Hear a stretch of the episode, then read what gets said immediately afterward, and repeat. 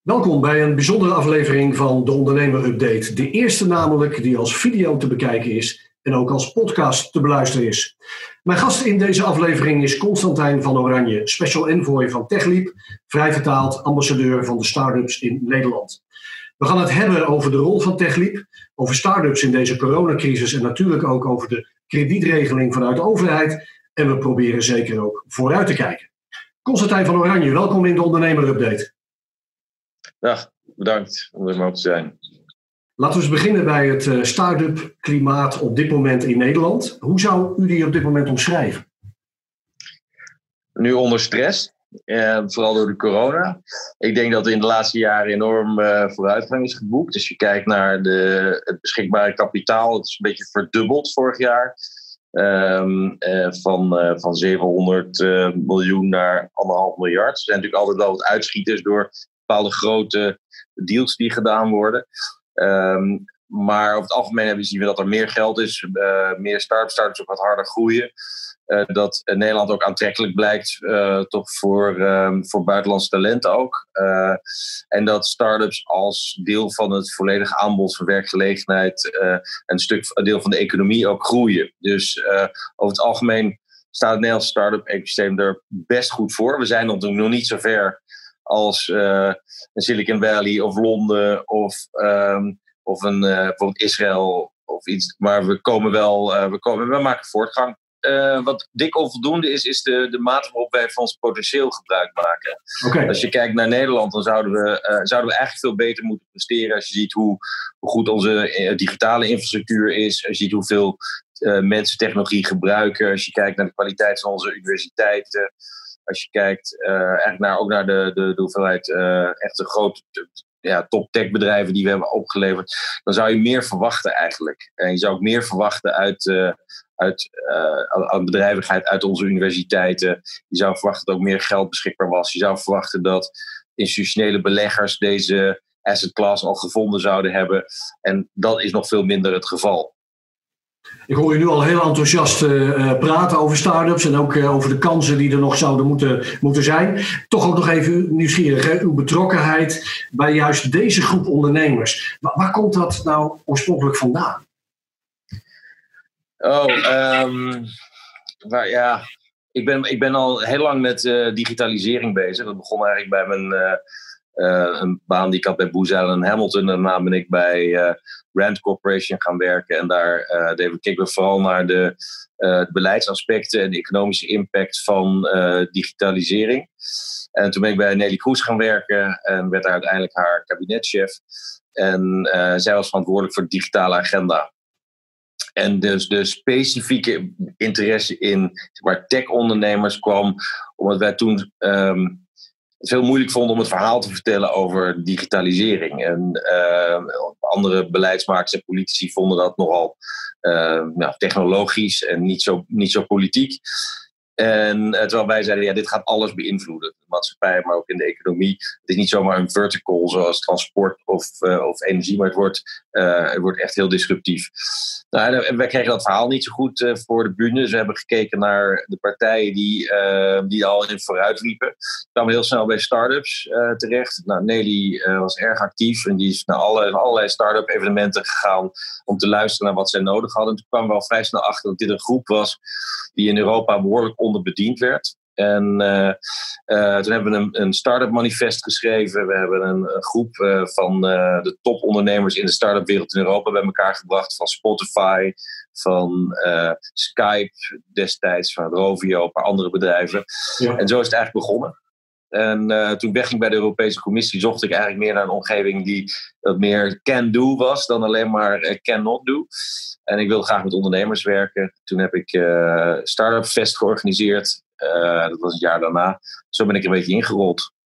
En uiteindelijk dan uh, werd het Startup Delta en dan nu uh, TechLeap, hè, de, de nieuwe naam ook van de organisatie.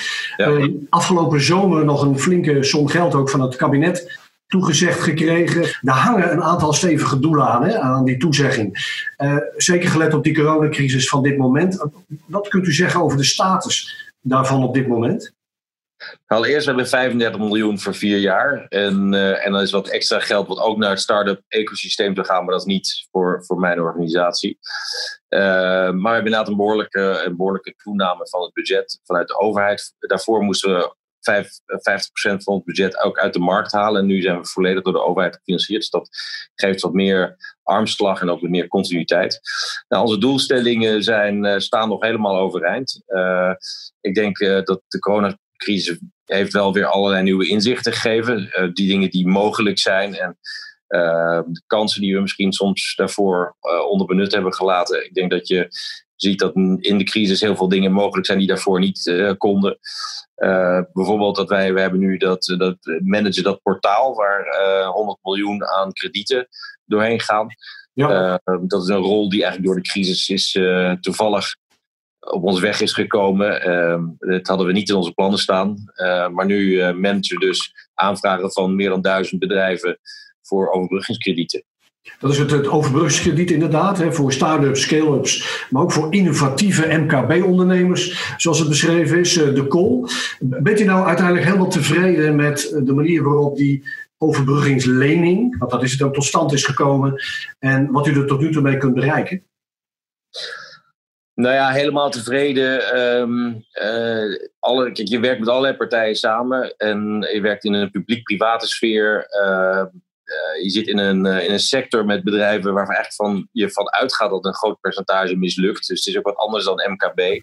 Precies. Het is heel moeilijk om daar een helemaal een generieke passende maatregel voor, voor in te stellen. Ik denk wat goed daaraan is, is dat het is de overheid over, over de brug is gekomen met de 100 miljoen. En dat we nu kijken naar of er nog meer uh, nodig is, want het, het, het, instrument is behoorlijk overvraagd.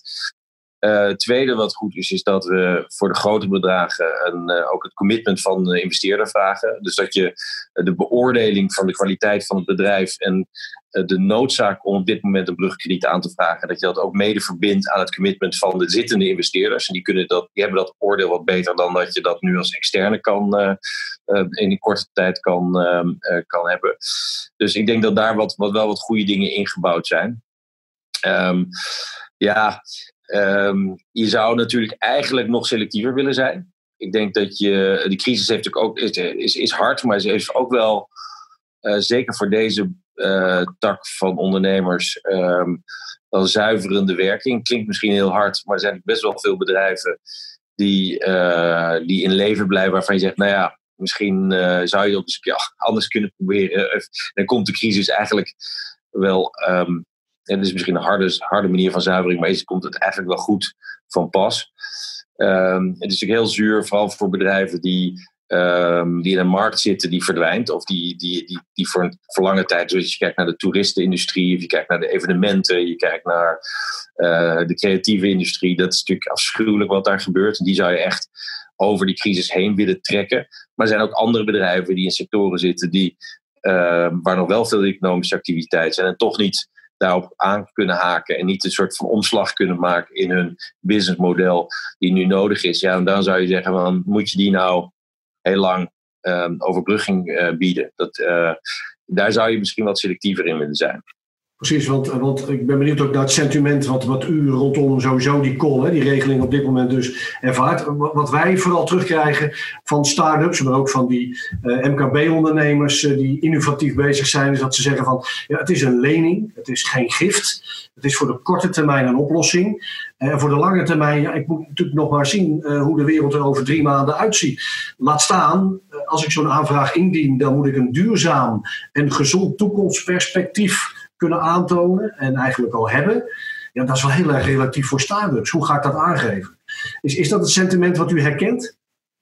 Ja, ja dat, is natuurlijk, dat, dat, dat is zeker, zeker als je kijkt wat, is, wat betekent financieel gezond. Nou, we hebben daar geprobeerd in de in de criteria ook uh, rekening mee te houden. Financieel gezond voor een start-up iets heel anders is dan voor een uh, midden- en klein bedrijf. ja. uh, en zeker een van de dingen die je steeds tegenkomt, is als je op groei gefinancierd bent, dat bijvoorbeeld het, een omzetcriterium niet goed werkt. en dat is ook de reden waarom we deze speciale maatregelen hebben genomen, omdat, of hebben, hebben geïnitieerd samen met de overheid, omdat veel van de bestaande regelingen niet werken. Um, ik denk wel dat je moet oppassen dat we niet altijd alleen maar naar de overheid kijken. Ik denk dat uh, veel van de de betere uh, start-up ondernemingen hebben ook serieuze professionele investeerders. En uh, met je investeerders is het natuurlijk ook zaak om te kijken over, wat hun rol is in, in die overbrugging. Het is een krediet, dat is waar, maar het is een, genereus krediet. Het is ook een krediet wat ze kan converteren in een, in een, in een, gewoon een aandeel. Dus je, op zich, als je die kan terugbetalen, dan heb je er een, een stukje regionale ontwikkelingsmaatschappij in je, in je cap table. wat ook niet zo dramatisch is. Dus ik vind. Um, ik vind wel dat je, we moeten niet te veel verwachten van de overheid. Dus dat je denkt dat je giften krijgt van de overheid. Dat de overheid in één keer een miljard cadeau zou geven ter overbrugging. Vind ik ook wel uh, moeilijk te verkopen aan de belastingbetaler eigenlijk. Dus een lening tegen 3% die kan converteren is denk ik een hele goede, goede startpositie. Kunt u iets zeggen over de, de animo tot nu toe voor de regeling? Nou, die is groot. Die is, uh, we hebben iets van 500 miljoen aan aanvragen van meer dan duizend bedrijven. En uh, het loopt nog op. En de regeling blijft ook open tot, uh, tot december. Hè. Dus het kan ook zijn dat bedrijven die later het geld nodig hebben, alsnog een aanvraag kunnen indienen. We zijn ook in gesprek met, ehm, met, met economische zaken en, met, eh, en zij weer met financiën om te kijken of de regeling nog wat, of er wat, wat extra geld bij kan. Uh, moet kijken natuurlijk waar dat vandaan moet komen. Kijken hoe dat moet weer in verhouding staan tot ook wat er in andere sectoren gebeurt. Maar op zich hebben we vanaf het begin, uh, dat heeft de, de staatssecretaris ook aangegeven, dit is een eerste tranche. En, uh, en ik denk dat het een hele mooie manier is om te gewoon het eerst te kijken van wat, wat is eigenlijk het animo hiervoor. En als animo hoog is, om dan daarna nog wat, wat bij te kunnen leggen. Helder. Uh, laten we eens wat breder kijken naar, naar Europa. Wat, wat, doet deze coronacrisis vooralsnog met de positie van de Nederlandse start-ups in Europa? Nou, ik denk dat, dat veel bekijken natuurlijk wat hun internationale ambities zijn. Iedereen kijkt, uh, als het goed is, weer terug, gaat terugkijken naar de core. Kijken hoe lang je, of je runway kan verlengen. Kijken of je je kosten kan besparen.